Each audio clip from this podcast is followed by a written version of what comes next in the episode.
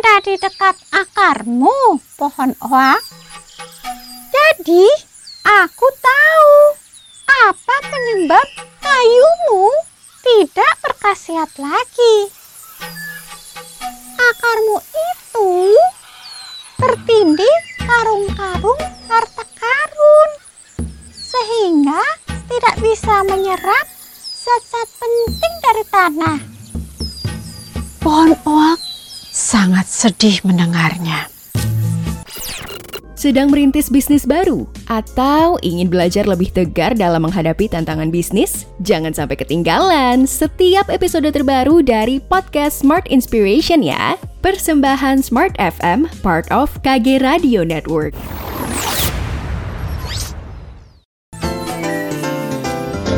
Dongeng pilihan orang tua.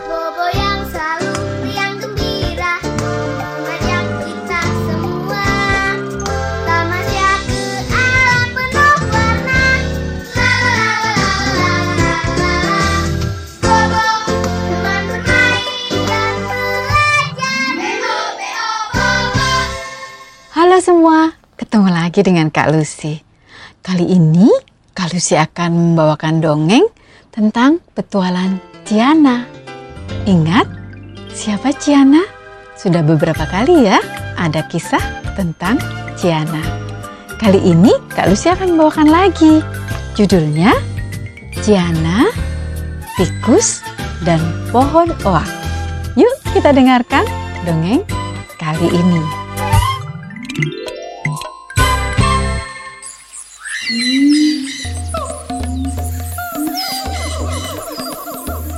Ciana, gadis cantik, pintar, dan pemberani. Ia mempunyai tujuh kakak laki-laki yang bekerja sebagai penebang kayu. Ciana suka sekali membuat roti wangi beraroma rosemary dan mengantarkannya ke hutan untuk siapa? Untuk ketujuh kakaknya. Suatu hari, saat ia sedang di hutan, ia bertemu dengan seekor tikus tanah. Gadis cantik, aroma roti dari keranjangmu sangat wangi. Bolehkah aku mencicipi remah-remahnya saja? Tanya si tikus tanah itu. Ciana yang baik hati langsung berjongkok dan memberikan sepotong roti buatannya. Aku membawa banyak roti. Kau bisa mendapat sepotong besar. Tikus sopan yang manis, ujar Ciana. Tikus itu sangat gembira dan berterima kasih. Ia langsung memakan remah-remah roti itu di bawah pohon oak yang tumbuh di situ. Dikerikiti roti itu sampai habis. Pada saat Ciana akan melangkah pergi, tiba-tiba pohon oak itu menyapanya. Gadis cantik, maukah kau menolongku juga? Ciana berhenti melangkah dan terdiam bingung. Ia langsung bertanya, Pohon oak, apa kau juga mau roti rosemary buatanku? Dahan-dahan pohon oak bergerak menggeleng-geleng. Aku cuma ingin bertanya, apakah kau tahu mengapa kayuku tidak berkhasiat lagi untuk dijadikan obat? Tanya pohon oak kebingungan. Wah, maafkan aku pohon oak.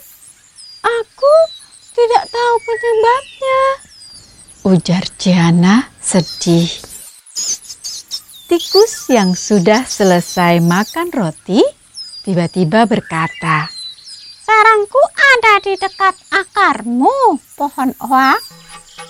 Jadi, aku tahu apa penyebab kayumu tidak berkhasiat lagi.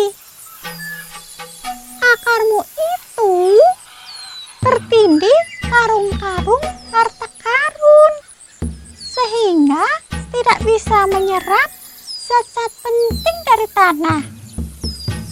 pohon oak sangat sedih mendengarnya. Wah, kalau begitu, aku akan tidak berguna seumur hidupku. Kecuali ada yang bisa mengangkat karung-karung harta karun itu ya. Geluh pohon oak.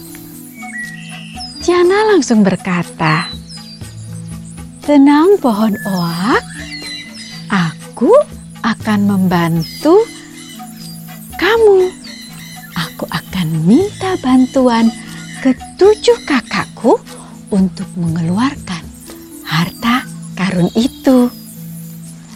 Jana lalu melanjutkan perjalanannya ke tempat kakaknya berada.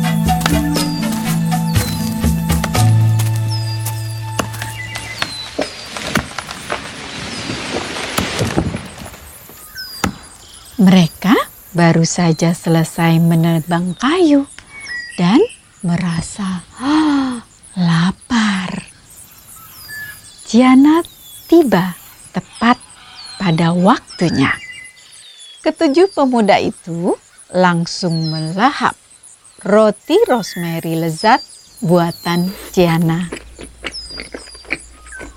Selesai makan, Jiana bercerita tentang karung-karung harta karun di dekat akar pohon oak seperti yang diceritakan tikus tanah.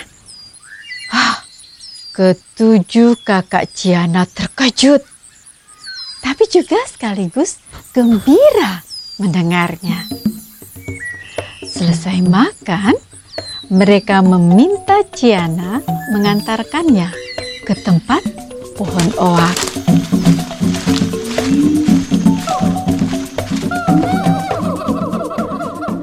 Tak lama mereka tiba di tempat pohon oak. Tenang saja pohon oak, kakak-kakakku akan berhati-hati menggali tanah di sekitarmu supaya akarmu tidak rusak, kata Ciana. Dengan hati-hati, ketujuh kakak Ciana menggali tanah di tempat yang ditunjuk oleh si tikus tanah.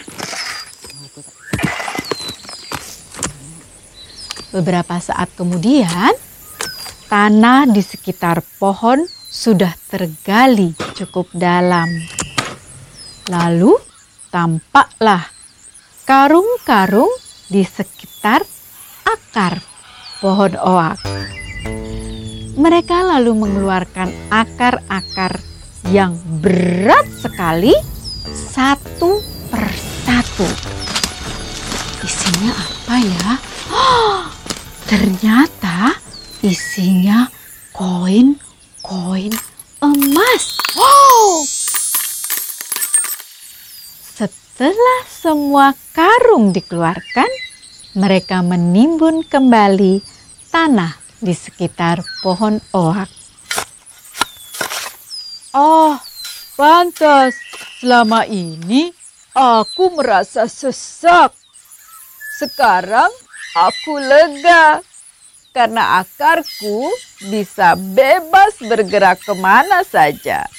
Terima kasih Ciana, tikus tanah, dan kakak-kakak semua. Kata pohon oak.